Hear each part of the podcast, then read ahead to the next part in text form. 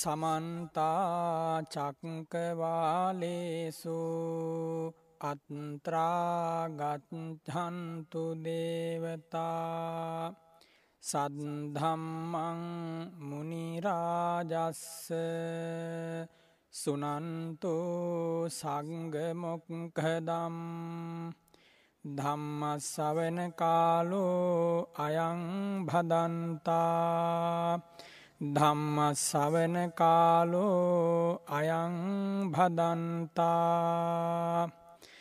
ධම්මස්සවන කාලෝ අයං භදන්තා. සුවිසුද්ධ සීලේසු සින්ධූපමස්ස. සමාධි ධම්මේසු පඨවි සමස්ස අනන්ත ඥානේසු ගගනූපමස්ස නමාමි සිරසා සිරිගෝතමස්ස පිරිසිදු සිල්කන්ද සමුදුරසේමා නිසාල සමාධිය මිහිකත සේමා අනන්ත ඥානය අහසක් සේමා. සිරිපා අභියස පිණිපාවේවා මෝහන්ධකාරේසු සුරියෝපමස්ස සංසාරසෝතේසු සේතුපමස්ස දෝසප්පවාහේසු මේගූපමස්ස නමාමි සිරසාධම්මාම තස්ස මොහාදුර සිින්දලන ලාහිරුසේමා සසරදියඹ මැද පහුරක් සේමා. කෙලෙස් කිලුටු හල වැස්සක් සේමා. සදහම්රුවනට පිණිපාවේවා. පටිපත්ති සාරේසු සම්මාටිතස්ස. උජුභූත මග්ගේසු යානාගතස්ස කුසලේසු ධම්මේසු කෙත්තෝපමස්ස නමාමි සිරසා සුගතෝරසස්ස පිල්ලිවෙත් සරුවෙයි සුවදක් සේමා. දම් රස දනවයි මිහිරක් සේමා. පින් ගඟ ගලනා නිම්නය සේමා. මහසංගරුවනට පිණිපාවේවා සාධු සාධු සාධු නමෝතස්ස භගවතෝ අරහතෝ සම්මා සම්බුද්ධස්ස නමෝතස්ස භගවතෝ අරහතෝ සම්මා සම්බුද්ධස්ස නමෝතස්ස භගවතෝ අරහතෝ සම්මා සම්බුද්ධස්ස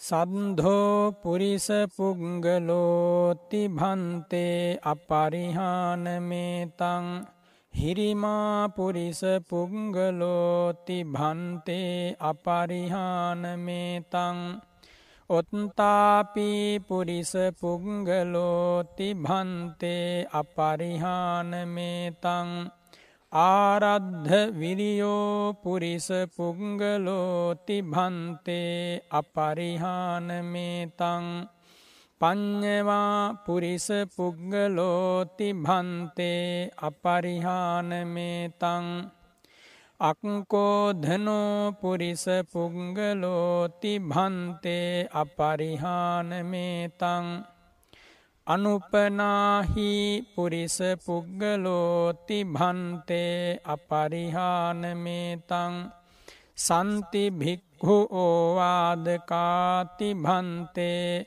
අපරිහානමේතන්ති. ශ්‍රද්ධාවන්ත පින්වතුනි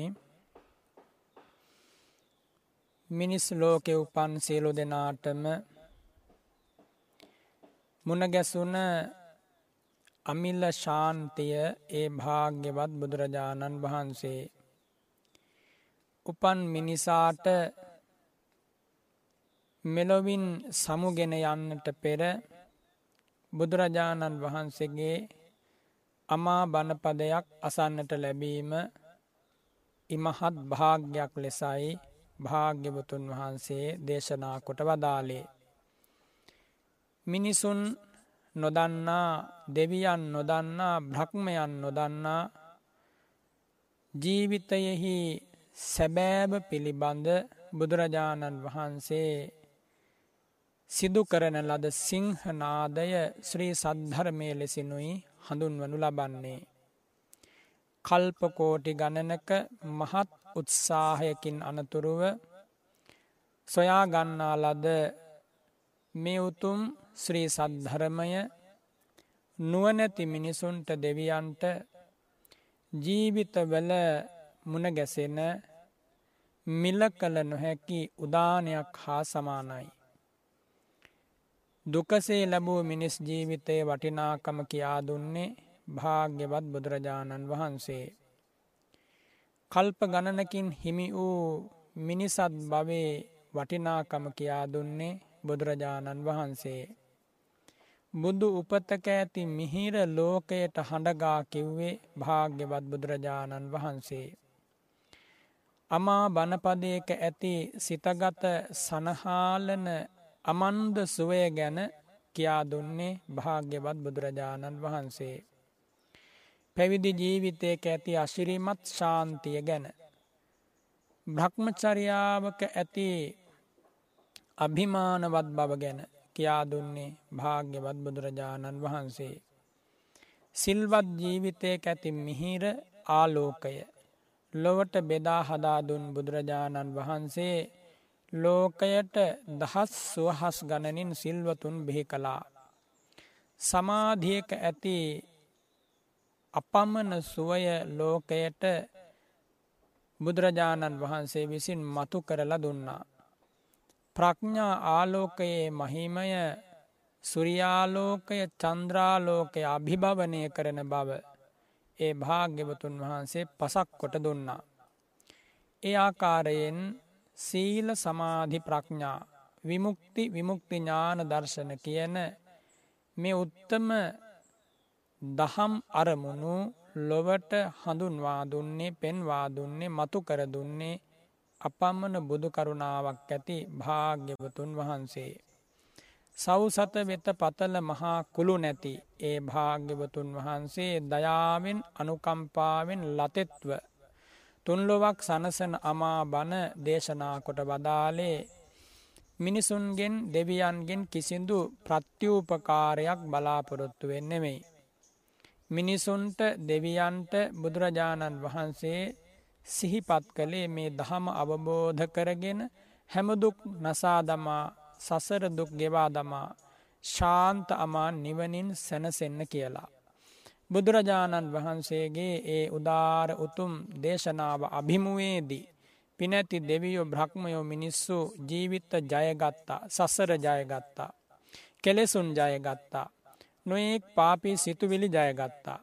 බුදුරජාණන් වහන්සේ ලෝකෙට බිහිකරපු රහතන් වහන්සේලා මේ උතුම් ධර්මය ලෝකයට පරපුරෙන් පරපුරට යුගයෙන් යුගයට දේශනා කොරමින් පවත්වාගෙන ආවා.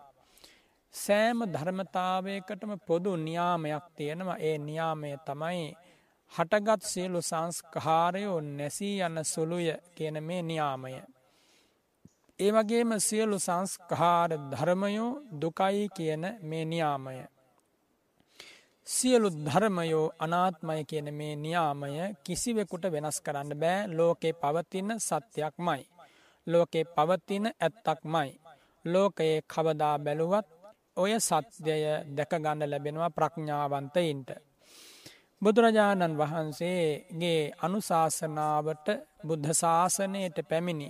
ගිහි පැවිදි උදවියගේ ජීවිතවලත් ගුණ ධර්ම පිළිබඳව ඔය පරිහානිය වෙනස් වෙන බව ජීවමාන බුදුරජාණන් වහන්සේගේ කාලෙ පටන්ම පැන නැගුණ කරුණක් වෙනත් විදිහකින් කිව්වොත් බාහිර සංස්කාර ධර්මයෝ නැසී වැනසී යනව වගේම කෙනෙකුගේ ජීවිතවල තියෙන උතුම් ප්‍රතිපදාවන් සීලාද ගුණ ධර්ම පවා වෙනස් වෙන්න පුළුවන්. මග්ග පහල නොලබපු සිලු දෙනාගේ ජීවිතවල පිහිටලා තියෙන සීලය සමාධිය ඒ උදාර ගුණ ධර්ම වෙනස් වෙන්නට පුළුවන්.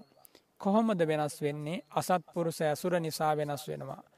ඒ වගේම මේ උතුම් ධර්මයේ වටිනාකම මෙනෙහි නොකිරීම නිසා වෙනස් වෙනවා. උත්තම මිනිස් ජීවිතයක තියෙන අගය මෙනෙහි නොකිරීම නිසා වෙනස් වෙනවා. සංසාරයේ දුක ගැන සිහි නොකිරීම නිසායේ ගුණ ධර්ම ටික ටික අඩු වෙලා පවට බය නැති වෙලා දුස්සීලකම් වැරදි දේවල් කරන්න බොහෝ දෙනා පෙළැඹෙනවා බොහෝ දෙනා ඉදිරිපත් වෙනවා. ඉතින් ඒ ස්වභාවය එදා මෙදා තුර මේ බුදු සසුනට ආපුදය වියගේ ජීවිතවලත් ඇතැම් උදවියගේ ජීවිතවලත් දකින්නට ලැබෙනවා. එක දවසක් ඒ භාග්‍යවත් වූ අරහත් වූ බුදුරජාණන් වහන්සේ සැවැත්නුවර දෙව්රම් මහා විහාරයේ වැඩඉන්න කාලේ මහා කාශ්‍යප මහා රහතන් වහන්සේ ඒ භාග්‍යවතුන් වහන්සේ බැහැ දකින්නට සිරිපා කමල් වන්දනා කරන්නට දෙව්රම් විහාරයට වැඩම කළා. අන්නේ වෙලාවේ මහා කාශ්‍යප මහරහතන් වහන්සේත් ඒ භාග්‍යවත් බුදුරජාණන් වහන්සේ අතර සිදු වූ එක්තරා සාකච්ඡාවක් පිළිබඳවයි අද මේ උතුම් ධර්ම කතාවෙන් ඔබට අමා ධර්මය දේශනා කොට වදාරන්නේ. අද මේ උතුම් ධර්ම දේශනාව සඳහා අපට ආරාධනා කළේ ඕස්ට්‍රේලියාව පදිංචි ශ්‍යාමලී සේරසිංහ මෑනියන් ඒ මෑණියන්ගේ දියණිය වූ විහානි සනාරාසේන සිංහ දියණියගේ විසි දෙවන ජන්මදිනය නිමිති කරගෙන. එනම් දෙදස් විසි අගෝස්තු මස දහතුන් වන අද දිනට යෙදෙන ඒ උපන්දිනය සීපත් කරගෙනයි ඒ පින්වත් මෑණියන් වහන්සේ මේ උතුම් ධර්ම දේශනාව සිද්ධ කරගන්නට අපට ආරාධනා කළේ. එවගේම මහා සංඝරත්නය වෙනුවෙන් දානමය පින්කමකුත් අද දවස සිද්ධ කරලා ඒ පින්වත් දියණියට සෙත් පතනවා ආශිර්වාද කරනවා එවගේම මේ උතුම් ධර්ම දේශනාව මුළු මහත් ලෝකයටම ධර්ම දානයක් වේවා කියන පිරිසිදු ප්‍රාර්ථනාව ඇති කරගෙනයි ධර්ම දානය ලෝකයට ලබා දෙන්නේ. ඒ පින්වත් මෑණියන් අපි දන්නවා බොහෝ කලක පටන් බුදු සසුනේ සිත පහදවාගෙන බොහෝ ශ්‍රද්ධහා ගුණධර්ම ජීවිතය දියුණු කරගෙන සංඝරත්නය කෙරෙහි මහත් ආදර ගෞරවයකින් යුක්තව සසුන් පිළිවෙතෙහි ගුණධර්ම සම්පූර්ණ කරන පින්වත් මැහැනියන් වහන්සේ කෙනෙක්. එනිසායේ මෑණියන්ටත් ඒ පින්වත් දියණියටත් නිදුක් නිරෝගී සුව ලැබේවා කියලා අපි පළමු කොට ආශිර්වාද ප්‍රාර්ථනා කරනවා. ඒ භාග්‍යවත් බුදුරජාණන් වහන්සේගේ සිරිපා වන්දනා කරන්න පැමිණි මහා කාශ්‍යප මහා රහතන් වහන්සේට භාග්‍යවතුන් වහන්සේ වදාරනවා ඕවද කස්සප භික්කු කරෝහි කස්සප භික්කූනන් ධම්මී කතහං අහංවා කස්සප භික්කූනං ඕවදෙය තුවන්වා අහංවා භික්කූනන් ධම්මින් කතහං කතෙහි කරෙය තුවන්වාති බුදුරජාණන් වහන්සේ වදාරෙනවා කාශ්‍යප භික්‍ෂූන් වහන්සේලාට අවවාද අනුශාසනා ලබා දෙන්න. කාශ්‍යප භික්‍ෂූන් වහන්සේලාට දැහැමි කතාවක් ධර්මානුකූල කතාවක් සිද්ධ කරලා භික්‍ෂූන් වහන්සේලාට මේ ගුණ ධර්මවල සසුන් පිළිවෙතේ බඹසරහි අගේ කියා දෙන්න. සසර දුකෙන් අතමිදීම වටිනාකම ගැන මේ භික්‍ෂූන් වහන්සේලාට ඔබ කියා දෙන්න දේශනා කරන්න. කාශ්‍යපය මම හෝ භික්‍ෂු සංඝයාට අනුශාසනා කරනවා එහෙම නැත්නම් ඔබ හෝ භික්ෂු සංඝයාට අනුශාසනා කරන්න. ඔබ භික්ෂු සංඝයාට අනුශාසනා කරන්න සුදුසුයි කියලා භාග්‍යවත් බුදුරජාණන් වහන්සේ කාශ්‍යප ස්වාමීන් වහන්සේට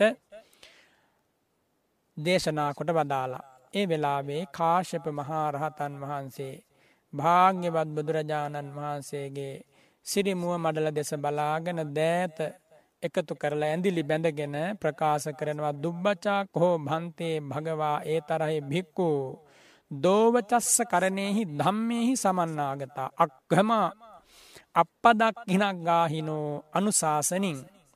ස්වාමීනී භාග්‍යවතුන් වහන්ස මේ කාලේ භික්‍ෂූන් වහන්සේලා බොහෝම දුර්වචයි. කියන දේවල් අහන්නේ නෑ. ඒ වගේම කරනු ලබන දේශනාව අවවාදය අනුශාසනාව නුහුරට තමයි ගන්නේ. අපපදක් ගෙනක් ගාහිනෝ ඒ කියන්නේ අවවාද අනුශාසනා පිළිගන්නේ නෑ කියන එක. යස්ස කස්සචි භන්තේ සද්ධා නත්හි කුසලේසු ධම්මේසු. ස්වාමීනි භාග්‍යවතුන් වහන්ස යම් කිසි භික්ෂුවකට හෝ ගිහි ඇත්තෙකුට කුසල් දහම් පිළිබඳව ශ්‍රද්ධාව නැත්නම්. නත්හි කුසලේසු ධම්මේසු හිරි කුසල් දහම් පිළිබඳව හිරිය නැත්නම් නත්හි කුසලේසු ධම්මේසු ඔත්තප්පං කුසල් දහම් පිළිබඳව ඔත්තප්පේ නැත්නම් නත්හි කුසලේසු ධම්මේසු විරියං කුසල් දහම් වැඩීම පිළිබඳව වීරිය නැත්නම් නත්හි කුසලේසු ධම්මේසු පඤ්ඥා කුසල් දහම් වැඩීමෙහිලා ප්‍රඥාව නැත්නම් නත්හි තස්ස යාරත්තිවා දිවසෝවා ආගත්්‍යති හානියේව පාටිකංකහා කුසලේසු ධම්මේසු නෝවුද්ධි. කාශ්‍යප ස්වාමීන් වහන්ස ප්‍රකාශ කරනවා ස්වාමීණී භාග්‍යවතුන් වහන්ස යම් භික්ෂුවකට හෝ කාටහාරි මේ බුද්ධ ශාසනය ශ්‍රාවකයකුට කුසල් දහම් පිළිබඳව ශ්‍රද්ධාව නැත්නම්. ඒ කියන්නේ සීල සමාධි ප්‍රඥා කියන කුසල් දහම් වැඩීම පිළිබඳව ශ්‍රද්ධාවකේ සඳහා වුවමනාවක් නැත්නම්. අපම්මන විශ්වාසයකින් යුක්තව කුසලෙහි පිහිටලා නූපන් කුසල් දහම් උපදවාගන්න උපන් කුසල් දහම් වඩාගන්න නුදුන් නොරකින ලද සීලයන් රැකගන්නට නුදුන් දානයන් දීගන්නට නොවඩන ලද භාවනාවන් වඩාගන්නට නොකරන ලද දසපුුණ්‍යයක් ක්‍රියා කරන්නට. කරන ලද දසපුුණ්‍යයක් ක්‍රියා නැවත නැවත කරන්නට යම් කිසි කෙනෙකුට වීරයක් වුවමනාවක් ඕනෑකමක් නැත්නම්. එයාට කවදාකමත් මේ උතුම් බුදු සසුන තුළ දියුණුවක් ලැබෙන්නේ නෑ. ඒ වගේම නත්හි කුසලේසු ධම්මේසු හිරි. ඒ කියන්නේ කුසල් දහම් පිළිබඳව හිරිය කියලා කියන්නේ ලැජ්ජාවීම ලැජ්ජාවීම කෙනෙකින් අදහස් කරන්නේ කුසල් දහම් පිළිබඳව ලැජ්ජාවීම කියන කාරණය නෙමේ. පවට ලැජ්ජාවීම පවට බියවීම නිසා කුසල් දහම් ඇතිවෙනවා. පවට ලැජ්ජාවීම කියන්නේම කුසල් චිත්තෝත් පාදයක පහළවීම. පවට බියවීම කියන්නේම කුසල් චිත්තෝත් පාදයක පහළවීම. කායිකව වාචසිකව මානසිකව කෙරෙන ලාමක අකුසල් නොකර සිටීම සඳහා ඇතිවන වුවමනාව. පවට පවට ලැබෙන දුක් විපාක මෙනෙහි කිරීම. අකුසලයට ලැබෙන පාපී විපාක මෙනෙහි කිරීම තුළ එයාට පාපයෙන් වෙන්වෙන්නට අකුසලයෙන් වෙන්වෙන්නට සිත් පහළ වෙනවා. ඒ පාපයෙන් වෙන්වීම් වශයෙන් ඇතිවන පවට බය පවට ලැජ්ජාබ මෙතන හිරි ඔත්තප්ප නමින් දේශනා කොට වදාරනවා. එනිසා යම් ශ්‍රාවකයකුට පවකිරීමෙහිලා ලැජ්ජාවක් නැත්නම්. පවකිරීමෙහිලා බයක් නැත්නම් එයාට කුසල් සිත් පහළවන්නේ නෑ යහපත් වූ උදාර වූ පින් සිතුවිලි පහළවන්නේ නෑ. පවට ලැජ්ජාව බය ඇති වෙනවා කියන්නේම යහපත් උදාර වූ පින් සිතුවිලි සිතක පහළ වෙනවා. එනිසයි එදා කාශ්‍යප මහරහතන් වහන්සේ භාග්‍යවතුන් වහන්සේගේ සමීපයේ ප්‍රකාශ කරන්නේ ස්වාමීණී යමෙකුට කුසල් දහම් පිළිබඳව හිරියක් නැත්නම්. කුසල් දහම් පිළිබඳව වුවමනාවක් නැත්නම් අන්නේ වගේ කෙනෙකුට මේ උතුම් බුදු සසුන තුළ දියුණුවක් ලබන්න බෑ කියනවා. ඒ වගේම නත්දී කුසලේසු ධම්මේසු විරියන් කුසල් දහම් පිළිබඳව වීරයක් නැත්නම් කුමක්ද වීරය කියන්නේ නූපන් අකුසල් දහම් නූපදවා උපන් අකුසල් දහම් තවා නූපන් කුසල් දහම් උපදවා උපන් කුසල් දහම් වැඩිවර්ධනය කර ගැනීම පිණිස. යමකුට වීරයක් නැත්නම් එයා දිනෙන් දින පරිහානියට යන කෙනෙක්. නත්හි කුසලයසු ධම්මේසු පඤ්ඥා කුසල් දහම් පිළිබඳව ප්‍රඥාවක් නැත්නම්. එයින් අදහස් කරන්නේ නූපන් කුසල් දියුණු කර ගැනීමට හොඳ ප්‍රඥාවක් තිබිය යුතුයි. උපන් කුසල් පවත්වා ගැනීමට හොඳ ප්‍රඥාවක් තිබිය යුතුයි. යම් පුද්ගලයෙක් සිල් ආරක්ෂා කරනවනං ඒ ආරක්ෂා කරන සීලේ පළුදුවෙන්න කිලිටිවෙන්න කැඩෙන්න බිඳෙන්න නොදී. රැකගෙන යාම පිණිස අවශ්‍ය වෙනවා හොඳ නුවනින් විමසන නුවනින් නැවත නැවත විමස විමසා බලන ගතියක් නැත්තං හැකියාවක් නැත්තං වුවමනාවක් එම නැත්තන්ගේ නුවනින් විමසන සුළු බව හේතු වෙනවා. කුසල් දහම් පවත්වාගෙන යාම පිණිස. සෑම වෙලාවකම නුවන නැතිවුණොත් මෝහයා එතන ඇතිවෙන්නේ මෝය ඇති වෙනකොට අකුසලයට හිත නැමෙනවා. පාපයට හිත නැමෙනවා. මෝහය කියන්නේ මකුසලයක් යම් වෙලාවක මෝහය වේ නම් ඒ වෙලාවෙක්කො ලෝභයක් එමනැත්තන් දවේශයක් මේ විදියට අකුසලයක් මයි පහළවන්නේ. එනිසා බුදුරජාණන් වහන්සේ ඉදිරියේ දියදා කාශ්‍යප මහා රහතන් වහන්සේ ප්‍රකාශ කරනවා ස්වාමිනි යම් භික්ෂුවකට හෝ ගිහියෙකුට හෝ ශ්‍රාවකයකුට ප්‍රඥාව නැත්නම් කුසල් කොහොමද වඩාගන්න දියුණු කරන්නේ මතු කරන්නේ ප්‍රකට කරන්නේ. ජීවිතයේ සැනසීම පිණිස කුසලයෙන් කොහොමද ආභාෂය ලබාගෙන එය ශක්තිමත් පදනමක් බවට පත් කරගෙන. එමගින් බෝධී පාක්ෂික ධර්ම වැඩිදියුණු කරගෙන චතුරාර් සත්‍ය අවබෝධය පිණිස තමා සතු සිතීමේ හැකියාව මිනිසත් චින්තනය මිනිස් මනස හසුරුවාගන්න කොහොමද කියලා දන්නේ නැත්නම්. එයා තස්ස යා රත්තිවා දිවසෝවා ආගච්චතිය වගේ කෙනෙකුට යම් රාත්‍රයක් හෝ එළඹෙනවනම් යම් දහවල් කාලයක් හෝ එළඹෙනවනම් හානියේව පාටිකංකහා හානියක්මයි හැම දවසකම හැම රාත්‍රයකම හැම උදෑසනකම හැම දහවලකම එවන් කෙනෙකුට දියුණුවක් ඇතිවන්නේ නෑ මේ කුසල් දහම් පිළිබඳව වැඩීමක් ඇතිවන්නේ නෑ. එයින් සිද්ධ වන්නේ කුසල් දහම් වැඩෙන්නේ නෑ කියන්නේ එයා පිරිහෙන පුද්ගලයෙක් වෙනවා. දවසින් දවස පිරිහෙන පුද්ගලයෙක් වෙනවා. දවසක් ගත වෙලා දවසක් උදා වෙනකොට බොහෝ පව්කම් රැස් කරගෙන. බොහෝ අකුසල් දහම් රැස් කරගෙන සිල් බිඳගෙන වැරදි කාය කර්ම සිද්ධ කරලා වචී කර්ම සිද්ධ කරලා මනෝ කර්ම සිද්ධ කරලා සිතා පිරිසිදු වෙලා දුගන්ධ හමන ජීවිතයක් ඔහුට දවසින් දවස හිමි වෙන්නේ. එනිසා යදා කාශ්‍යප මහ රහතන් වහන්සේ ප්‍රකාශ කළේ ස්වාමීනී මේ භික්‍ෂූන් වහන්සේලා එදා වගේ නෙමෙයි අද බොහොම දුර්වචයි කියන දේ අහන්නේ නැහැ අකීකරුයි. ඉතින් ස්වාමීනි මේ අකීකරු භික්‍ෂූන් වහන්සේලාට ශ්‍රද්ධාවක් නැත්නම් වීරයක් නැත්තම් පවට ලැජ්ජාවක් නැත්තම් පවට බයක් නැත්නම් ප්‍රඥාවක් නැත්තම් මේ අය මොහොතින් මොහොත පිරිහි පිරිහි මහාදුරකට පත්වෙනවා කියලා ප්‍රකාශ කළේ. පින්වතුනි මේ බුදුරජාණන් වහන්සේ ඉදිරියේ කාශ්‍යප ස්වාමීන් වහන්සේ ප්‍රකාශ කරන්නේ බුදුරජාණන් වහන්සේ ජීවමානව වැඩ ඉන්න කාලය. එතකොට දෙව්රම් විහාරයේ තථාගතයන් වහන්සේ ජීවමානව වැඩ සිටින කාලයේ පවා තත්ත්වය එසේ නම්. ඒ කාලෙ පවා භික්‍ෂූන් වහන්සේලා ඇතැම් භික්‍ෂූන් වහන්සේලා අවවාද අනුශාසනා පිළිගත්තේ නැත්නම්. මහා තෙරුන් වහන්සේලාගේ සිල්වතුන්ගේ ගුණවතුන්ගේ උතුමන්ගේ ඒ අවවාද අනුශාසනා පිළිගත්තේ නැත්නම්. මේ වගේ කාලයක මොන තරන්නම් විකෘතියක් ඇති වෙලා තියෙන පුළුවන්ද. එදා පවා ඒ වගේ පිරිස් මේ බුදු සසුන තුළ හිටිය. ඒ අය වැරදිවිදිහට ජීවත් වුණ පව්කම් සිද්ධ කලා අකුල් සල් දහම් සිද්ධ කලා අවසානයේ මරුමුවට පත් වෙලා මරණින් මත්තේ නිරේ වැටුණා. කාශ්‍යප ස්වාමීන් වහන්සේ භාග්‍යවතුන් වහන්සේ ඉදිරියේ මේ ප්‍රකාශ කරන්නේ. යමෙක් ශ්‍රද්ධාවෙන් හීන වෙලා පෙරහිලා ගියොත්. පවට ලැජ්ජා බය නැතිකර ගත්තොත් කුසල් දහම් වඩන්න වීරයක් නැතිවුණොත්. ප්‍රඥාවක් නැතිවුණොත් එයාගේ අවසාන ඉරණම විස දෙන්නේ සතරාපාය වැටිලා මේ ජීවිතයෙන් පස්සේ. එනිසා සතරාපායේ නොවැටි බේරීම පිණිසත් සුගතියක ඉපදීම පිණිසත් චතුරාර් සත්‍යය අවබෝධය පිණිසත් හේතුවන්නේ වෙන කිසි දෙයක් නෙමේ කුසල් දහම් වැඩීමමයි. දන්දීම සිල් ආරක්ෂා කිරීම භාවනා කිරීම. සීලේ පුරුදු කිරීම සමාධිය වැඩීම ප්‍රඥා පුරුදු කිරීම. ආර්ය අෂ්ඨාංගික මාර්ගයේ වැඩීම. දාන සීල භාවනා වෙய்යාවච්ච අපචායන පත්තිදාන පත්තානු මෝදනා ඒ වගේම දිට්ටිජුකම් මේ ආදි වශයෙන් කුසල් දහම් වර්ධනය කිරීමමයි මෙලොවට සාන්තිය පරවල්ලොවට ශාන්තිය නිවන පිණිසද හේතුවන්නේ. එනිසයි මේ කාශ්‍යප ස්වාමීන් වහන්සේ මේ භික්ෂු සංඝයා දෙස බලලා මේ විදිහට ප්‍රකාශයක් කරන්නේ භාග්‍යතුන් වහන්සේ ඉදිරියේ රාත්‍රියක් වේවා දහවල් කාලයක් වේවා යමෙකුගේ ජීවිතයට එනවනම් ඒ එන රාත්‍රියයේ ඒ එන දහවල් කාලයේ කුසල් දහම් වඩන්න ශ්‍රද්ධාව නැත්නං යා පිරිහෙනවා කියලා.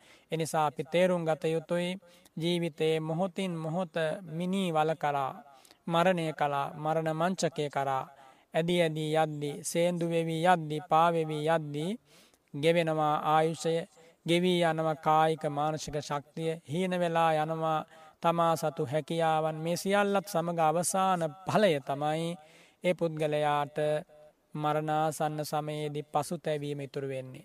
ඒ පලය හැටියට පසු තැවීම යමකුගේ ජීවිතය ඉතුරු වෙනවනම් පසු තැවීම තුළ කුසල් දහම් වැඩෙන්නේ නෑ. පසු තැවෙන්න වැඩ නොකර ගැනීම මයි කළ යුත්තේ. යම් කිසි කෙනෙක් පසු තැවෙන්න වැඩ සිද්ධ කරනවනන් ජීවිතේ දැන දැන හිත හිතා එයාට කවදා නමුත් කඳුළු හලන්න සිද්ධ වෙනවා. මේ ජීවිතය තුළදී මේක අනිටු විපාකවලට මුහුණ දෙන්න සිද්ධ වෙනවා.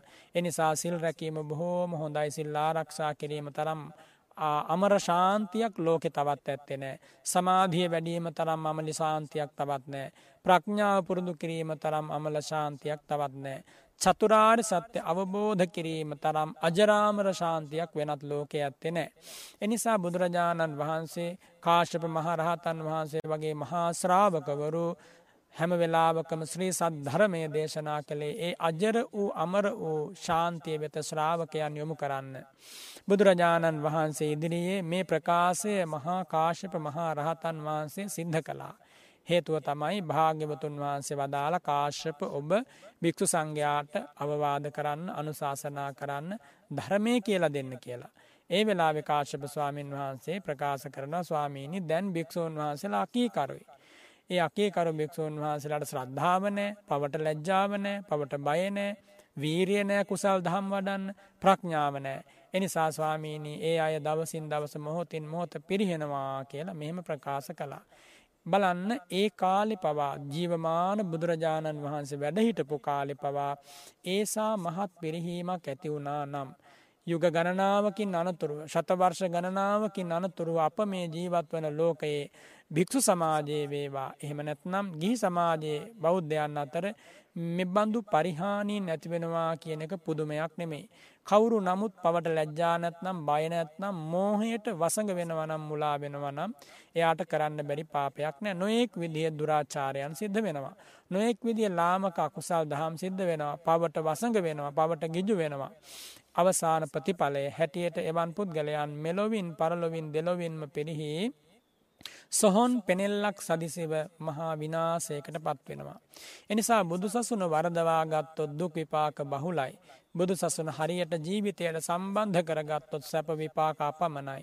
ශාන්ති අපමනයි රැකවරණය අපමනයි. එනිසා අපේම සැනසීම වෙනුවෙන්. අපේම ශාන්තිය වෙනුවෙන් තමයි මේ සෑම අනුශාසනාවක්ම සිරිමුව මඩලින් සිදුකොට වදාලේ. බුදුරජාණන් වහන්සේ යමක් නොකළ යුතුයි කියල ප්‍රතික්ෂේප කොට වදාලා නම්. යමක් කළ යුතුයි කියලා අනු දැන වදාලා නම්. ඒ සියල්ල මහා කරුණාවෙන් චෝදිත හද මඩලක් ඇතිවමයි සිද්ධ කළේ. එනිසා මහා කරුණාව කියන්නේ අම්ම කෙනෙකුට නැති තාත්ත කෙනෙකුට නැති රහතන් වහන්සේලාට නැති පසේ බුදුරුවන්ට නැති මහ පුදුමාකාර ආශිර්වාදයක්. ඒ ආශිර්වාදයෙන් සුවපත් වූ දනන් සැමකල්හි බුදුරජාණන් වහන්සේගේ දහම සුව විඳිනවා. එනිසා බුදුරජාණන් වහන්සේ ජීවිතයට ලබා දෙන්නේ කිසිදාක නොමැකෙන ආරක්ෂාවක්. කිසිදාක නොගෙවෙන රැකවරණයක්. ඒ නොගෙවෙන රැකවරණය ලබන්න ඔබ ඒ කාන්තයෙන්ම මේ උතුම් ධර්මය පුරුදු කරන්නම ඕන. එදා කාශ්‍යප ස්වාමීන් වහන්සේ භාග්‍යවතුන් වහන්සේ ඉදිරියේ ඒ කියපු කාරණාටික ප්‍රකාශ කරලා සය තහපි බන්තේ කාලපක්හේ චන්දස්ස යා රත්තිවා දිවසෝවා ආගත් ඇති හායතේව වන්නේන හායති මණ්ඩලේන හායති ආභාය හායති ආරෝහ පරිනාහේන ප්‍රකාශ කරනවා ස්වාමීණි භාග්‍යවතුන් වහන්ස අවපස සඳ කළුවර පක්ෂයේ සඳට යම් රාත්‍රයක් හෝ දහවලක් පැමිණෙන මනං ඒ පැමිණෙන සෑම රාත්‍රයක්ම සෑම දහවලකින්ම ඒ චන්ද්‍රයානැත්තන් හඳ පැහැයෙන් පිරිහෙනවා මණ්ඩලයෙන් පිරිහෙනවා දීප්තියෙන් පිරිහෙන උසමහතින් පිරිහෙනවා ටික ටික ටික ටික අවපසට යන සඳ ගෙවි ගෙවී ගිහිල අවසානය නොපෙනී යනවා. ඒව මේව කෝ භන්තේ යස්ස කසචි සද්ධා නත්තේ. ඒ වගේම ස්වාමිනි යම් භික්ෂුවකට ශ්‍රද්ධාව හිරිය ඔත්තපේ වීරිය ප්‍රඥාව නැත්නම් අර කළුවර පක්ෂයේ අවපස සඳ නොපෙනි නොපෙනී ගෙවි ගෙවී යනව වගේ භික්ෂුවත් කුසල් දහම් වලින් පිරිහි පිරිහි යනවා. යහපතින් පිරිහෙනවා අනාගතා බිවෘද්ධියෙන් පිරිහෙනවා සුගතියෙන් පිරිහෙනවා නිවනින් පිරිහෙනවා ඒ අදහස් කරන්නේ එයා නිවන් මාර්ගයෙන් පිරිහෙනවා කියන එකයි.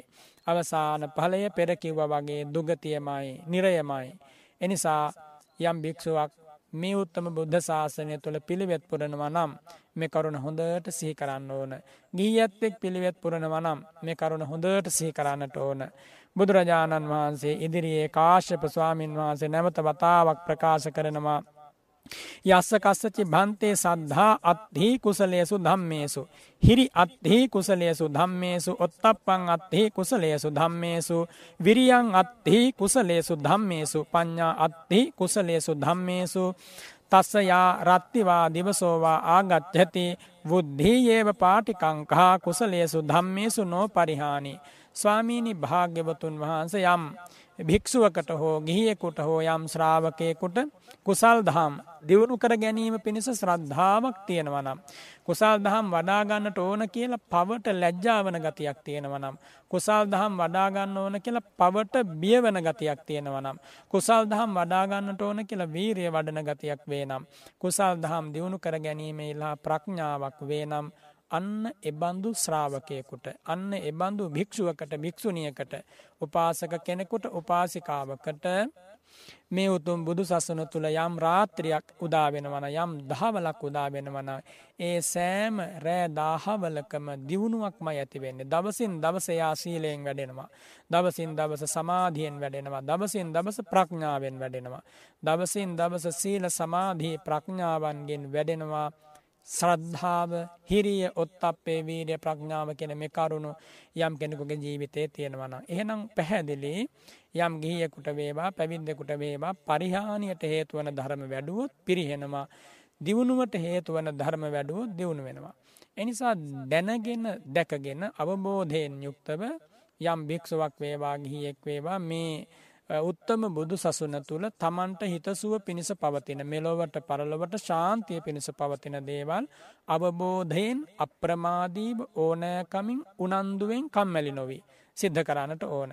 දන්දීමත් එහෙමයි සිල්ලා රක්ෂා කිරීමත් එහෙමයි සමාධිය වැඩීමත් එහෙමයි ප්‍රඥා වැඩීමත් එහෙමයි. යම් භික්ෂුවක් මේවා ගිහියෙක් මේවා ඔය කියන ප්‍රතිපදාවේ නියලෙන මනං අප්‍රමාදීව එයාට පරලොවින් බයක් ඇතිවෙන්නේ නෑ මරණ මංචකේ අසරණ වෙන්නේ නෑ.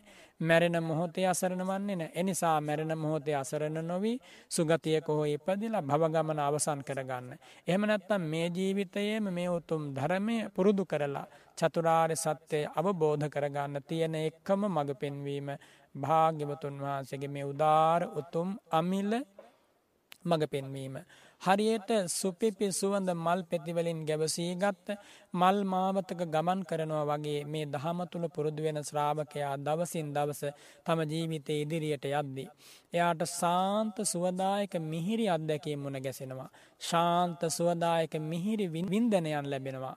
ශාන්ත සුවදායක මිහිරි හැඟීම් ඇති වෙනවා. ශාන්ත සුවදායක ප්‍රබුද්ධ මිහිරි ජීවිතයක් සිතක් ගතක් ඇතිවෙනවා. ඒ තරමින්ම සුවදායකයි ඒ තරමින්ම හිත කරයි. ඒ තරමින්ම සොඳුරුයි බුදුරජාණන් වහන්සේගේ අනුශාසනාව. එනිසා ඔය යහපත් ධර්ම යමකුගේ ජීවිතය තියෙනවනං මහා කාශ්‍යප රහතන් වහන්සේදා ප්‍රකාශ කරනවා සයථාපි භන්තේ ජුන්හ පක්කේ චන්දස්ස යා රත්තිවා දිවසෝවා ආගච්ඡති වඩ්ඩතේව වන්නේන වඩ්ඩති මණ්ඩලේන වඩ්ඩති ආභාය වඩ්ඩති ආරෝහ පරිනාහේන. ස්වාමීනී පුරපස සඳ මොහොතින් මොහොත දවසින් දවස දියුණුවට යනවා වෙනත් වෙදියකින් කිව්වතින් ඒ පුර පස සඳ මොහොතින් මොහොත වැඩෙනවා මණ්ඩලයෙන් වැඩෙනවා දීප්තියෙන් වැඩෙනවා ආලෝකයෙන් වැඩෙනවා ප්‍රභාවෙන් වැඩෙනවා මෝර මෝරා පූර්ණ චන්ද මණ්ඩලය උපෝසත පෝය දවස දකින ලැබෙනවා. අන්නේ වගේ පුර පස සඳ මොහොතින් මොහොත මොහොර මෝරා වැඩෙනම වගේ කුසල් දහම් පිළිබඳව මේ කියන ලද ශ්‍රද්ධාව හිරිය ඔත්තපේ වීරිය කියන මේ කාරණා යමකුගේ ජීවිතය තියෙනවනං එයාට කවදාකවත් පරිහානියක් ඇතිවෙන්නේ නෑ කියලා ඒ භාග්‍යවත් වූ අරහත් වූ බුදුරජාණන් වහන්සේ ඉදිරියේ මහා කාශ්‍යප මහා රහතන් වහන්සේ දේශනා කොට වදාලා නැත්තං ප්‍රකාශ කොට වදාලා. අවසානයේදී ඒ කාශ්‍යප ස්වාමීන් වහන්සේ බුදු සිරි මුව මඩල දෙස බලාගෙන මෙන්න මෙහෙම ප්‍රකාශ කරනවා. සද්ධෝ පුරිස පුංගලෝති භන්තය පරිහානමේ තං ස්වාමීණි භාග්‍යවතුන් වහන්ස සැදහැති පුද්ගලයා යන මෙය නොපිරිහීමක් මයි. පුද්ගලයා ශ්‍රද්ධාවන්තයෙක්ට කියන්නේ එයා පිරිහෙන කෙනෙක් නෙමෙයි. හිරීමා පුරිස පුංගලෝති භන්තේ අපරිහානමේ තං. ස්වාමීණී පවට ලැජ්ජාවන පුද්ගලයා කවදාකවත් පිරිහෙන්නේ නෑ. ඔත්තාපි පුරිසපුංගලෝති භන්තේ අපරිහානමේතං ස්වාමීණී පවට බයවෙන කෙනා කවදාකවත් පිරිහෙන කෙනෙක් නෙමේ යා දියුණුවන කෙනෙක්මයි. ආරද්ධ විරියෝ පුරිසපුංගලෝති භන්තේ අපරිහානමේතං ස්වාමිනි අරඹන ලද වීරියෙන් යුක්තව කටයුතු කිරීම කටයුතු කරන සුළු බව කටයුතු කරන පුද්ගලයා පිරිහෙන කෙනෙක් නෙමේ එයා දියුණුව කරාම යන කෙනෙක්. ඒ වගේම ස්වාමීනී පඤ්ඥමා පුරිස පුංගලෝති භන්තය අපරිහානමේතං ප්‍රඥාවන් පුද්ගලයා කියන්නේ. පිරිහෙන කෙනෙක් නෙමේයා දියුණුවටම යන කෙනෙක්. ස්වාමීනි අක්කෝ ධනෝ පුරිස පුංගලෝති භන්තය අපරිහානමේතං. ඒ වගේම ස්වාමීනි ක්‍රෝධ නොකරන බව නොපිරිහීමේ සාධකයක් මයි. යම් කිසි කෙනෙක් ක්‍රෝධ කරන්නේ නැත්නම්. යම් කිසි කෙනෙක් අවවාද අනුශාසනා කරන ස්වාමීන් වහන්සේ ගැන හෝ ගිහි අත්ත ගැන හෝ අපහදින්න නැත්නම්. එයාට දියුණුවක් ඇති වෙනවා. ක්‍රෝධය බොහෝ දෙනාට දුකට හේතු වෙනවා. වෛරය පලිගන්නා සුළු බව මානසික ගැටීමෙන් සුවිශාල් පිරිසක් මරණින් මත්තේ නිරේ වැටෙනවා. මේ මහා භද්‍රකල්පයේ මේ අන්තර්කල්පය විනාස වෙන්නේ දවේශය මුල් වෙලා සත්හ අන්ත්‍රකල්පය කියලායි කියන්නේ. ආයුධවලින් තමයි ඔවු නොවුන් ඇන කොටාගෙන විනාස වෙන් ඒ සඳහා පාදක වෙන්නේ මිනිස් මනසේ වැඩෙන වෛරය දවේශය පලිගැනීමේ ආඝාත චේතනාව. එනිසා මේ ඔබ හෝමා හෝ මේ උතුම් ධර්මය අසද්දි මේ කරුණු හොඳට තදින් කාවද්ද ගත යුතුයි සිතට. යාන්තමින් අල්ලල හරියන්නේ නැ තදින්ම හිතට කාවද්දා ගත යුතුයි. අක්‍රෝධය නැත්තං ක්‍රෝධ නොකිරීම ඒ කාන්තයෙන්ම දියුණුවේ ලක්ෂණයක් කිසිම තැනක කිසිම හේතුවකද කිසිම කරුණකද වෛර කරන්න එපා. වෛරයෙන් ලොව දිනු කිසිවෙක් ඉතිහාසේ නෑ නහිවේරේන වේරානි සම්මන්තීද කුදාචනං. අවේරේනච සම්මන්ති ඒස ධම්මෝ සනන්තනු ඔබ හලතියෙනවනේ වෛරයෙන් වෛරය කිසිදානෑ සංසින් දෙන්නේ. වෛරයෙන් වෛරය සංසිදෙන් නැති නිසා එය දන්නා වූ බුදු පසේ බුදු මහරහත් උතුමෝ අවෛරයෙන් වෛරය දිනූසේක. අවෛරයෙන් වෛරය දින මෙත් සිසිලසින් වෛරී පුද්ගලයන්ගේ හද සන්තාන ආසිංචනය කල්ලා තෙමලා ඔවුන්ගේ සිත්වල පවා වෛරය පලිගැනීම ආඝාතය ක්‍රෝධය තම්බය සාරම්භය මක්ගය පලාසේ මෙකී නම් වලින් හැඳින්නවා කුසල් දහම් නැති කරන්නට ඒ තතහාගත බුදුවරු පසේ බුදුරජාණන් වහන්සේලා මහරහතන් වහන්සේලා සැදී පැහැදී ඉරියව් පැවැත්මෙන් පවා කටයුතු කළා. එනිසාම එදා කාශප මහරහතන් වහන්සේ සියලු දුතාංග ධාරීන් අතර අග්‍රස්ථානය ලැබූ කල්ප ගණනක් පුරණ ලද මහා පාරමී ධර්ම ඇතිව බුදු සසනට ඇවිල්ලා. භද්‍ර යොවුන් වයේදී උපසම්පදාව ලබලා රන් කඳක් සදිසිව බබලන ශ්‍රී ශරීරයක් ඇතිව මේ උතුම් බුදු සසුනේ මහා කාර්ය භාරයක් ඉටු කරපු ඒ මහා උත්තමයන් වහන්සේ ප්‍රකාශ කරනවා අක්කෝ ධනෝ පුරිස පුද්ගලෝති භන්තේ අපරිහාන මේතං කියලා. සාමීනි වෛර නොකිරීම වෛර නොකරන පුද්ගලයා බුදු සසුනේ පිරිහෙන කෙනෙක් නෙමේ දියුණුව කරා යන කෙනෙක්මයි. අනූපනාහි පුරිස පුද්ගලෝ භන්තේ අපරිහාන මේතං. ස්වාමීනි බද්ධ වෛරයක් නැති පුද්ගලයා. බද්ධ වෛරයක් නැති පුද්ගලයා මේ ශාසනය දිනනවාමයි. එයාට මේ ශාසනය පැවැත්මක් තියෙනවාමයි. එනිසයි අනූපනාහි කියල කිව්වේ. අනූපනාහි උපනාහි කියල කියන්නේ මේ බද්ධ වෛරය හිතේ තියෙන කෙනා. බද්ධ වෛරය කියන්නේ යම් පුද්ගලයකුට තරහක් වෛරයක් ඇති වුණාම හිතේ ඒක නැවත නැවත හිතේ තියාගෙන අවුස්ස අවුස්සා ඒම සිහිපත් කර කර ඒම උළුප්පාමින්. එයා තමාටත් අනුන්ටත් අවැඩක් අලාභයක් සිද්ධ කරගන්නවා. බද්ධ වෛරය හිතක ඇති වුණාට පස්සේ අවුරුදු ගණන් ගිහිල්ලා මාස ගණන් ගිහිල්ලා සතික සමාට ජීවිතයෙන් ජීවිතවලට ගිහිල්ලා කල්ප ගණන්නේ බද්ධ වෛරය හිතේ ඇතිව ඇතිවී යනවා. එනිසා බද්ධ වෛරයන් ඇති වෙලා සංසාරය කොච්චර දුක්කිඳලා තියෙනවද මිනිස්සු දෙවියෝ ඔය ධර්ම කතාවල තියෙනවා. ඇතැම් මිට කල්ප ගණනකට එහා පැත්තේ තමයි ඇතිවෙන්නේ ඒ බද්ධ වෛරය. කල්ප ගණනකට එහා පැත්තේ ඇතිවන්නාව ඒ බද්ධ වෛරය නිසා ඒ පුද්ගලයෝ ඔවුනෝන් තිරිසන් සතුන් වෙමින් යක්ෂෝ වෙමින් යක්ෂණයන් වෙමින් ඇන කොටාකමින් මරාකමින් ගාතනය කරගනිමින් පලිගනිමින් ගිනි තබා ගනිමින් අවුළුවා ගනිමින් පිහි යනුම් අවියාවුදවලින් ඇනකොටා ගනිමින් සංසාර ජීවිත කීයක් නම් මහා දුකක් විඳෙනවාද. එනිසා ලෝකෙ කිසිම පුද්ගලයෙක් පිළිබඳව බද්ධ වෛරයක් හිතේ තියාගන්න එපා. අයෝනිසෝ මනසිකාරය නිසා යම් වෛරයක් තරහක් හිතේ ඇති වුනත් හලියට දිය පිට ඇඳි ඉරක් ලෙස ඒ වෛරය නැති වෙලා යන්න ඉඩ දෙන්න. ඒ වෛරය අතහැරලා දාන්න.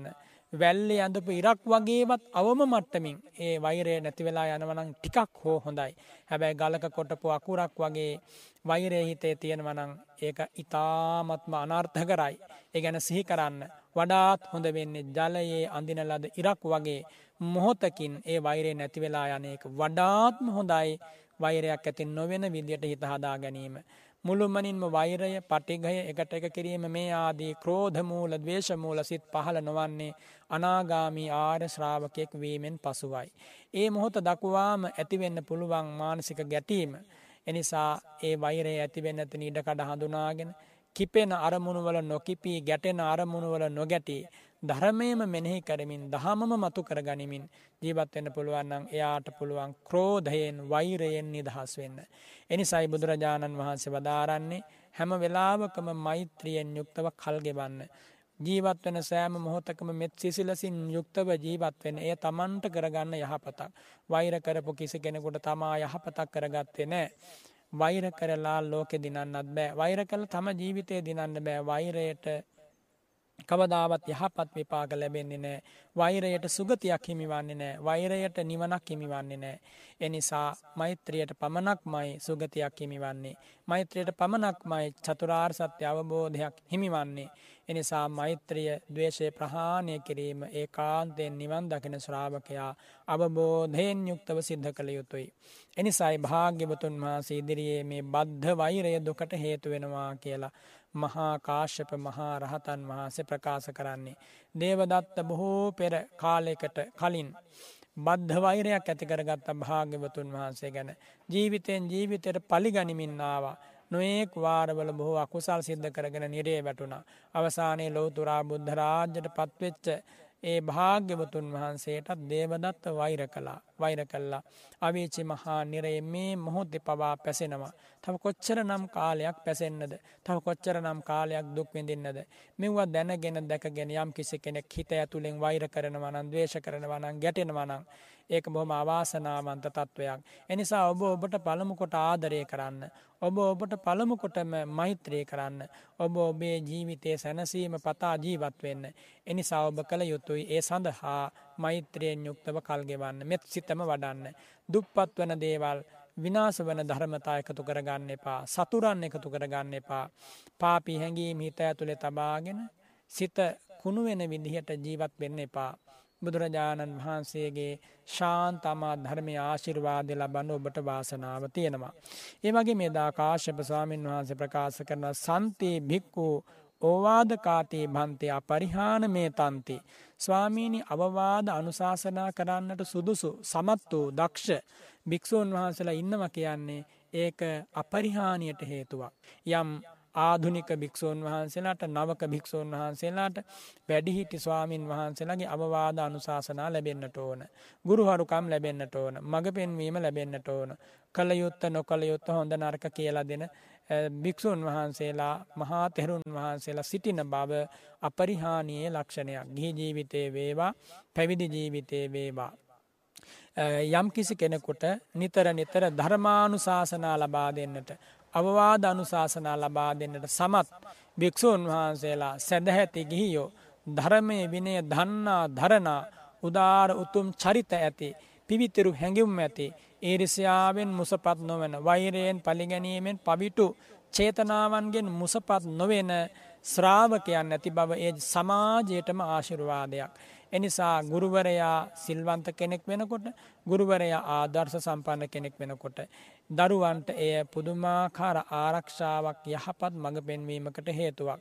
අම්ම තාත්තා යහපත් වෙනකොට ධර්මය පිහිටනකොට අම්ම තාත්තා වැරදි අඩුපාඩු දරුවන්ගේ පෙන්වලදීලා කියා දෙන්නට සුදුසු චරිතයක් ඇතිව ඉන්නකොට.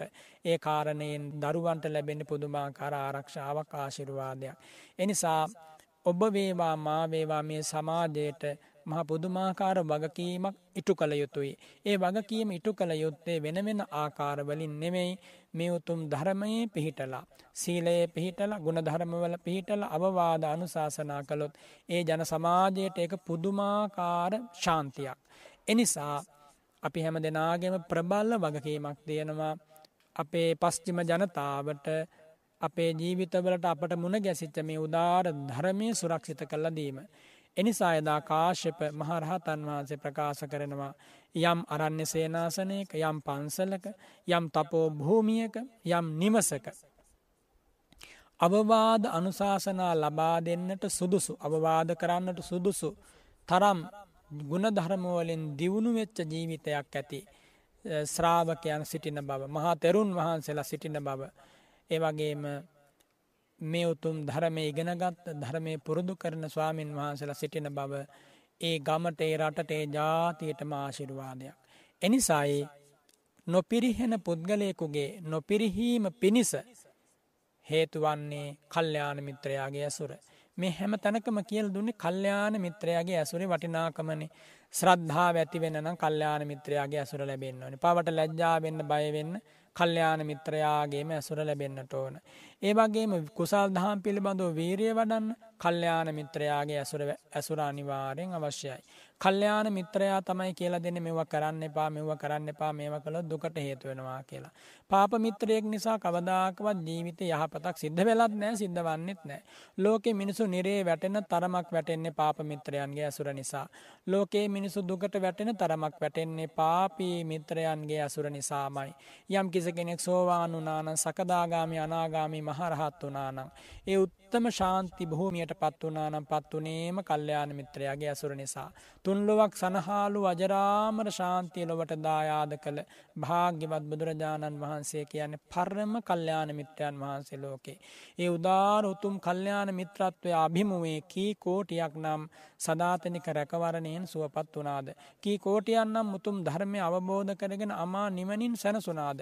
කී කෝටියක් නම් චතුරාර් සත්‍යය අවබෝධ කළ යළි උපදින්න මැරණ සසරට නොයන සධාතනික නිවීමෙන් නිවුණ පුද්ගලයන් බවට පත් වනාද.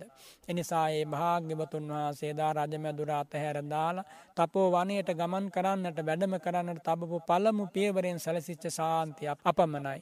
ඒ ශාන්තිය ලොවට බෙදා හදාදීල පිරිනිවන් වැඩිය අද පවාමි උතුම් ධර්මය ඇහෙන්නේ ඔබේ මගේ මහා පුදුම වාසනාවකට. මේ ඇසෙන ධර්මය මේ ඇසෙන බණපදය හොඳට හිතට ගන්න හිතට අරගෙන ශ්‍රද්ධාවම වඩන්න පවට ලැජ්ජාවෙන්න පවට බයවෙන්න නූපන් කුසල් දහම් යහපත් දේවල් උපදවාගන්න වැරවෑයම් කරන්න. මෙතෙක් දීපු නැති දානයන් ශක්ති පමණින් දෙන්න උත්සාහවත්වයන්න. මෙතෙක් නොරකින ලද සීලයන් රකින්න බලන්න. මෙතෙක් නොවැඩූ සමාධිය වඩන්න බලන්න මෙතෙක් නොවැඩූ ගුණ ධර්ම දියුණු කරගන්න බලන්න. පවේ ගිලිලා පවේ වෙලිලා පවට මුසපත් වෙලා හිටිය දැන් ඇති. ඔබ ඒ දේවල්වලින් අතමි දෙන්න මේ උතුම් ධර්ම කතාව හේතු කරගන්න.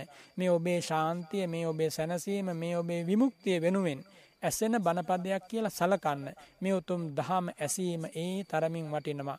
මොහොතක් නමුත් ධර්මශ්‍රවණය යම් කිසි කෙනෙක් සිද්ධ කරනවා නම් සිද්ධ කරන මොහොතක් පාසා සිත පිරිසුදු වෙනවා. පව් මල දුරු වෙනවා කුසල් දහම් වැඩෙනවා. හරියට සීතල ජලයක දාහකර ගත සතපනව වගේ.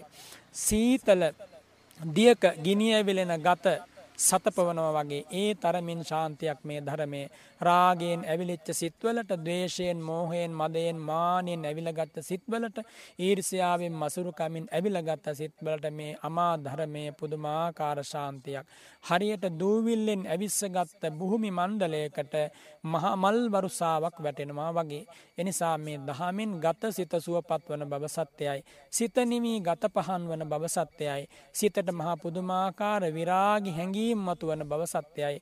රාගේ ඇති ලාමක බව තුච්ච බව හීන බව නිහින බව ප්‍රත්‍යක්ෂ කරලා දෙන්නේ ධර්මයෙන්. ද්වේෂයේ ඇති අනර්ථ කර බව බිහිසුණු බව දාහ කර බව ආයාස කර බව ප්‍රත්‍යක්ෂ කල්ල දෙන්න ධර්මයෙන්. මානේ ඇති මුසපත් භාවේ මානේ ඇති අන්ධකාර ස්වභාවය පසක් කරලා දෙන්න තතහාගත ධර්මයෙන්. ඒ වගේම විරාගී ශාන්තිය විරාගී මිහිර විරාගී සැනසුම මතු කරලා මෝදු කරලා ලබා දෙන්නේ මේ උතුම් ධර්මයෙන්. ඉතින් එදා කාශ්‍යප මහරහතන් වහන්සේ ඒ භාග්‍යවත් බුදුරජාණන් වහන්සේගේ සිරි මුව මඩල දෙස බලාගෙන මේ කරුණු ටික ප්‍රකාශ කළා. භාග්‍යවතුන් වහන්සේ තේ සියල්ල අසාගෙන ඉඳලා සාධු සාධු කස්සප යස්ස කස්සචි කස්සප සද්ධානත්ති කුසලේසු ධම්මේසු හිරිනත්ති ඔත්තප්පන්නත්ති විරියන්නත්ති පඤ්ඤානත්ති කුසලේසු ධම්මේසු තස්ස යාරත්තිවා දිවසෝවා ආගච්ඡති හානියේව පාටිකං කහ කුසලේසු ධම්මේසු නෝ බුද්ධි මේ විදිහට දේශනා කරනවා. කාශ්‍යපේ මැනවී කාශ්‍යපේ එය මම අනුමෝදම් වෙනවා. ඔබ කියපු ප්‍රකාශය ඔබේ ඔය දේශනාව ඔබේ ඔය වදන්වැල මම අනුමෝදම් වෙනවා කියලා බුදුරජාණන් වහන්සේ සාධුකාරදී වදාලා. සාධුකාරදීලා අවසානයේදී භාග්‍යවතුන් වහන්සේත් සිරිමුව මඩලින් වදාරනවා.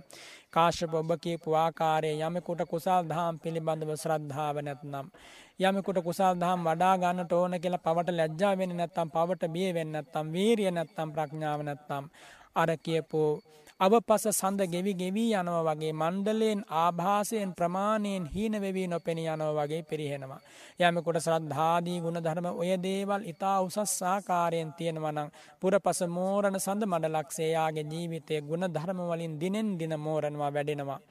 බුදුරජාණන් වහන්සේ වදාරනවා කාශ්‍යප අශ්‍රද්ධා අපරිහානියට හේතුවක් ඇටියට ශ්‍රද්ධාව ඒවගේම අපරිහානියට හේතුවක් ඇටියට පවට ලැජ්ජාවීම බය අපරිහානියට හේතුවක් හැටියට වීරය අපරිහානියට හේතුවක් හැටියට ප්‍රඥාව අපරිහානියට හේතුවක් හැටියට අවවාද අනුශාසනා ලබා දෙන්නට තරම් පොහෝසත් ගුණධර්ම වැඩුණ සිත් ඇති මහා තෙරුන් වහන්සේලා. ගුණධර්මවලින් වැඩිහිටිවියට පත් එහෙමනැත්නම් ගුණ වෘද්ධ ගුණවෘද්ධ තපෝවෘද උතුමෝ යම් ජන සමාජයක සිටින බව අපරිහානියට කාරණයක්. මේ විදිහට යමෙක් නොපිරිහි මෙලොවින් පරලොවින් ශාන්තියම ලබන්න බලාපොරොත්තු වෙනවා නම් මේ කියපු කරුණු තම ජීවිතයේ තියෙනවද කියලා බලන්නට ඕන. මේ කියපු කරුණු තමන්ගේ ජීවිතේ නැත්නම් ඒවා මොහොතින් මොහොත දියුණු කරගන්න වග බලා ගන්නටත් ඕන වෙන කිසිම කෙනෙක් මේ ලෝකේ අපිට මේ දේවල් කරලා දෙන්නේ නැහැ. මේ ලෝකේ කවුරුවත් අපිට මේ උතුම් සැනසීම වෙත යන මාවත කියලා දෙන්නේ නැහැ. ලෝකෙ සෑම කාලයකම වාගේ රාගයට ද්වේෂයට මෝහයට බරිත වෙච්ච පුද්ගලයෝ හැම වෙලාවකම සිත්වල රාගාදී කෙලෙස් ධර්ම අවුස්සන විදිහේ දේවල් සිද්ධ කරනවා. ඇතැම් පුද්ගලයෝ තමන්ගේ ජීවිතයම මෙහෙයවන්න යොමු කරන්නේ අන්න අයගේ රාග ද්වේෂ මොහ අවුස්සන්න. එමගින් ඔවුන් සතුටු වෙනවා ගායනයෙන් වාදනයෙන් නර්තනයෙන් රඟ දැක්වීම් වලින් ලෝකෙ බොහෝ දෙනා අන්න අයගේ රාග ද්වේෂ මෝහ අශ්‍රද්ධාව පවට ලැජ්ජාව නැතිකම අවුස්සනවා. මෙව් අවුස්සල බොහෝ පුද්ගලයෝ පාපයේ ගිල්වනවා. බොහෝ පුද්ගලයන්ගේ මිනිසත්කම පවා නැතිවන විදිහේ නපුරු නරක දුගඳ පුරුදු ජීවිතවලට බෝ කරවන්නට යතු කටයුතු කරනවා. එදත් එහෙම පුද්ගලයෝ ලෝකෙ හිටිය අදත් එහෙම ඉන්නවා. හිතලා බලන්න යම් කිසි කෙනෙක් යමෙකුගේ ජීවිතයට ඒ බඳු අලාභයක් අනර්ථයක් සිද්ධ කරනවා නම් තම වචී කර්ම වලින් කාය කර්ම වලින් මනෝ කර්ම වලින් එක මොන තරම් ඔහුට දුක පිණිස හේතු වේවිද. එනිසා ජීවත් වන කෙටි කාලයේ තමනුත් අනනුත් යහපත් මාර්ගයකට යොමු කර ගැනීම ඔබේ වගකීමක්. ජීවත් වන කුඩා කාලයේ දෙමව්පියන් හැටියට තම දරුවන් ධර්මයට යොමු කරවීම ඉතාමත්ම වැදගත්. ඒ වගේම යුතුයකමක් දෙමව්පියන්ගේ. ජීවත් වන කුඩා කාලේ මේ ජන සමාජයේ වැඩි හිටියෝ තම බාලයන්ම හැම වෙලාවකම ධර්මයට යොමු කරන්නට ඕන. යහපතට යොමු කරන්න. සැබෑ ආදරය කියන්නේ මේ ජීවිතේ සිල් ආරක්ෂා කරන්න දන් දෙන්න ගුණධර්ම පුරන්නට යම් කිසි කෙනෙක් යමෙක්ව යොමු කරනවා නම් එතන තමයි සැබෑම ආදරය තියෙන්නේ. අන් කිසිම තැනක සැබෑ ආදරයක් නැහැ. ඒක බොරුවක්, ඒක මායාවක්, ඒක තුච්ච වැඩක්, ඒක හිස් වැඩක්. ලෝකේ සැබෑ ආදරය යමෙකුගේ තියෙනවා නම් ඒ සැබෑ ආදරය තියෙන කෙනා අන් කෙනාව සිල්වතෙක් කරනවා ගුණවතෙක් කරනවා දන් දෙන්නෙක් කරනවා ගුණධර්ම පුරවන කෙනෙක් කරනවා. ඒ විදිහට කළොත් පමණයි සැබෑ ආදරයක් තියෙන කෙනෙක් කියලා විශ්වාස කරන්න පුළුවන්. එහෙම නැත්නම් කවුරු කොයි විදිහට කිව්වත් කොයි විදිහේ මිහිරි වචන කතා කරත් කොයි විදියට අප වෙනුවෙන් හඬ තලා කතා කළත් ඒකම තැනකින්වත් සැබෑ ආදරයක් අපට ලැබෙන්නේ නෑ. යම් කිසි කෙනෙක් තතහාගත ධර්මය කියලා දෙනවනම් අපව පාපයෙන් බේරා ගන්නවනම් කුසල් දහම් වඩන්නට පුරුදු කරනවනම් ඒ වගේම සමාධිය ප්‍රඥාව දියුණු කරන්න අත දෙනවනම් හිත දෙනවනම් දිරිමත් කරනවනම් එයා සැබෑ කල්යාණ මිත්‍රයෙක් මේ සමාජයට මේ ජාතියට මේ රටට මේ මුළු ලෝකයටම ඉතින් එනිසා භාග්‍යවත් බුදුරජාණන් වහන්සේ අපට ලබා දුන්නේ අන්න එබඳු පරමාදර්ශයක්. ඒ පරමාදර්ශය ඔබමා අපි සියලු දෙනාම ඒ කාන්තයෙන්ම අපේ ජීවිතවලින් අන්න අයගේ ජීවිතවලට ලබාදිය යුතුයි. ඒ පරමාදර්ශය ලබා දෙන්නට අප සියලු දෙනම බැඳී ඉන්නවා මේ කසාවත දැරීම සුදුවත් හැඳීම බුද්ධන් සරණංගත්හාමි කියලා බුදුරජාණන් වහන්සේ ධර්මය සංගරත්නය සරණයෑම තුළ ඒ වගකීම අපට ලැබිලා තියෙන වැනි සාපි අපේ වගකීම ඉටු කළ යුතුයි. තමා වෙනුවෙනුත් අනුන් වෙනුවෙනුත් දෙවියන් සහිත ලෝකේ වෙනුවෙනුත්. මේ උතුම් අමා ධර්මය ගෞරවයෙන් තම ජීවිතයට සම්බන්ධ කරගෙන අන්න අයටත් මේ දහම ශාන්තිය ලබා දෙන්න. එතකොට ඔබ දෙවියන් සහිත ලෝකයේ පරම පූජනීය වූ බුදුරජාණන් වහන්සේගේ ශ්‍රාවකයෙක් බවට පත්වෙලා මේ භවගමන අවසන් කරන මොහොත දක්වාම ශාන්තියට සැනසීමට පත්වේවි. එනිසා අද දවසේ මේ උතුම් ධර්ම දේශනාව එබඳු ශාන්තියක් රැකවරණයක් මේ ජීවිතයේ මුදාපත් කරගන්න කැමැති පින් ඇති ඔබ වෙනුවෙන්මයි. මේ උතුම් බණ කතාව ඇසූ සියලු දෙනාටම උතුම් චතුරාර් සත්‍ය අවබෝධය පිණිසම මේ උතුම් දේශනාව හේතු වේවා. ශ්‍රද්ධාවෙන් වැඩේවා හිරියෙන් වැඩේවා උත්තප්පයෙන් වැඩේවා වීරයෙන් වැඩේවා ප්‍රඥාවෙන් වැඩේවා. හැම දෙනාටම කලනමිතුරු ඇසුර නිවන දක්වාම ලැබේවා. දෙවියන් සහිත ලෝකයට මේ උදාර උතුම් ධර්ම දේශනාව උතුම් මඟ පෙන්වීමක් වේවා. ඒ භාග්‍යවතුන් වහන්සේ සහ මහාකාශප මහරහතන් වහන්සේ අතර ඇති වූ සාකච්ඡාවයි අද මේ උතුම් ධර්ම දේශනාව සඳහා මාතෘකා කරගත්තේ. සංයුක්ත නිකායේ කස්සප සංයුත්තේ ඇති දුතිය ඕවාද සූත්‍රයයි අද මේ උතුම් ධර්ම දේශනාවේදී ඔබට උගන්වා වදාලේ කියා දුන්නේ නැවත නැවත මේ අසන්න අසාසිත්හි දරාගෙන අන් අයටත් මේ උතුම් ධර්මය කියාදීල ඔබ කල්්‍යාන මිත්‍රයෙක් හැටියට ඔබේ ජීවිතයෙන් සමුගන්න මැරෙන මොහොති අසරණ නොවෙන්න මේ උතුම් දහමෙන් සිත මේ උතුම් දහමෙන් ජීවිතය සුවපත් කරගන්න කියලා මම මහා සංඝරත්නය වෙනුවෙන් සිහිපත් කරනවා. ඕස්ට්‍රේලියාබ පදිංචි ශාමලී සේරසිංහයේ පින්වත් මෑනියන් මේ උතුම් දේශනාව සඳහා ආරාධනා කරලා මහා සංඝරත්නයට දානයකුත් පූජා කරලා ඒ පින්වත් විහානි සනාරා සේරසිංහ දියණියට ආශිර්වාද කරනවා. දෙදස් විසි අගෝස්තු මස දහතුන් වන දිනට යෙදෙන විසි දෙවන ජන්මදිනය නිමිති කරගෙනයි. මේ උතුම් ධර්මදානමය පින්කම සිද්ධ කරන්නේ ඒ පින්වත් දියණියට මේ උතුම් ධර්මදානමය පින්කමේ බලයනුත් එවගේම මහා සංගරත්නයට පූජා කළ ඒ මහාදානය අනුහසිනුත් නිදුක්සුව සැලසේවා නිරෝගිසුව සැලසේවා මේ ජීවිතය තුළ මේ උතුම් ධර්මය පුරුදු කරලා මැරෙන්න මොහොතකට හෝ කලින් මේ දහමේ අජරාමර ශාන්තිය ලබන්න වාසනාව ලැබේවා. ඒ පින්වත් මෑණියන් ඇතුළු පවුල සියලු දෙනාටම මේ උතුම් ධර්මදානය ඇතුළු මේ මහා පින් බලය උතුම් ධර්මාවබෝධය පිණිසම හේතුවේවා කියලා අපි පළමු කොට ආශිර්වාද කරනවා.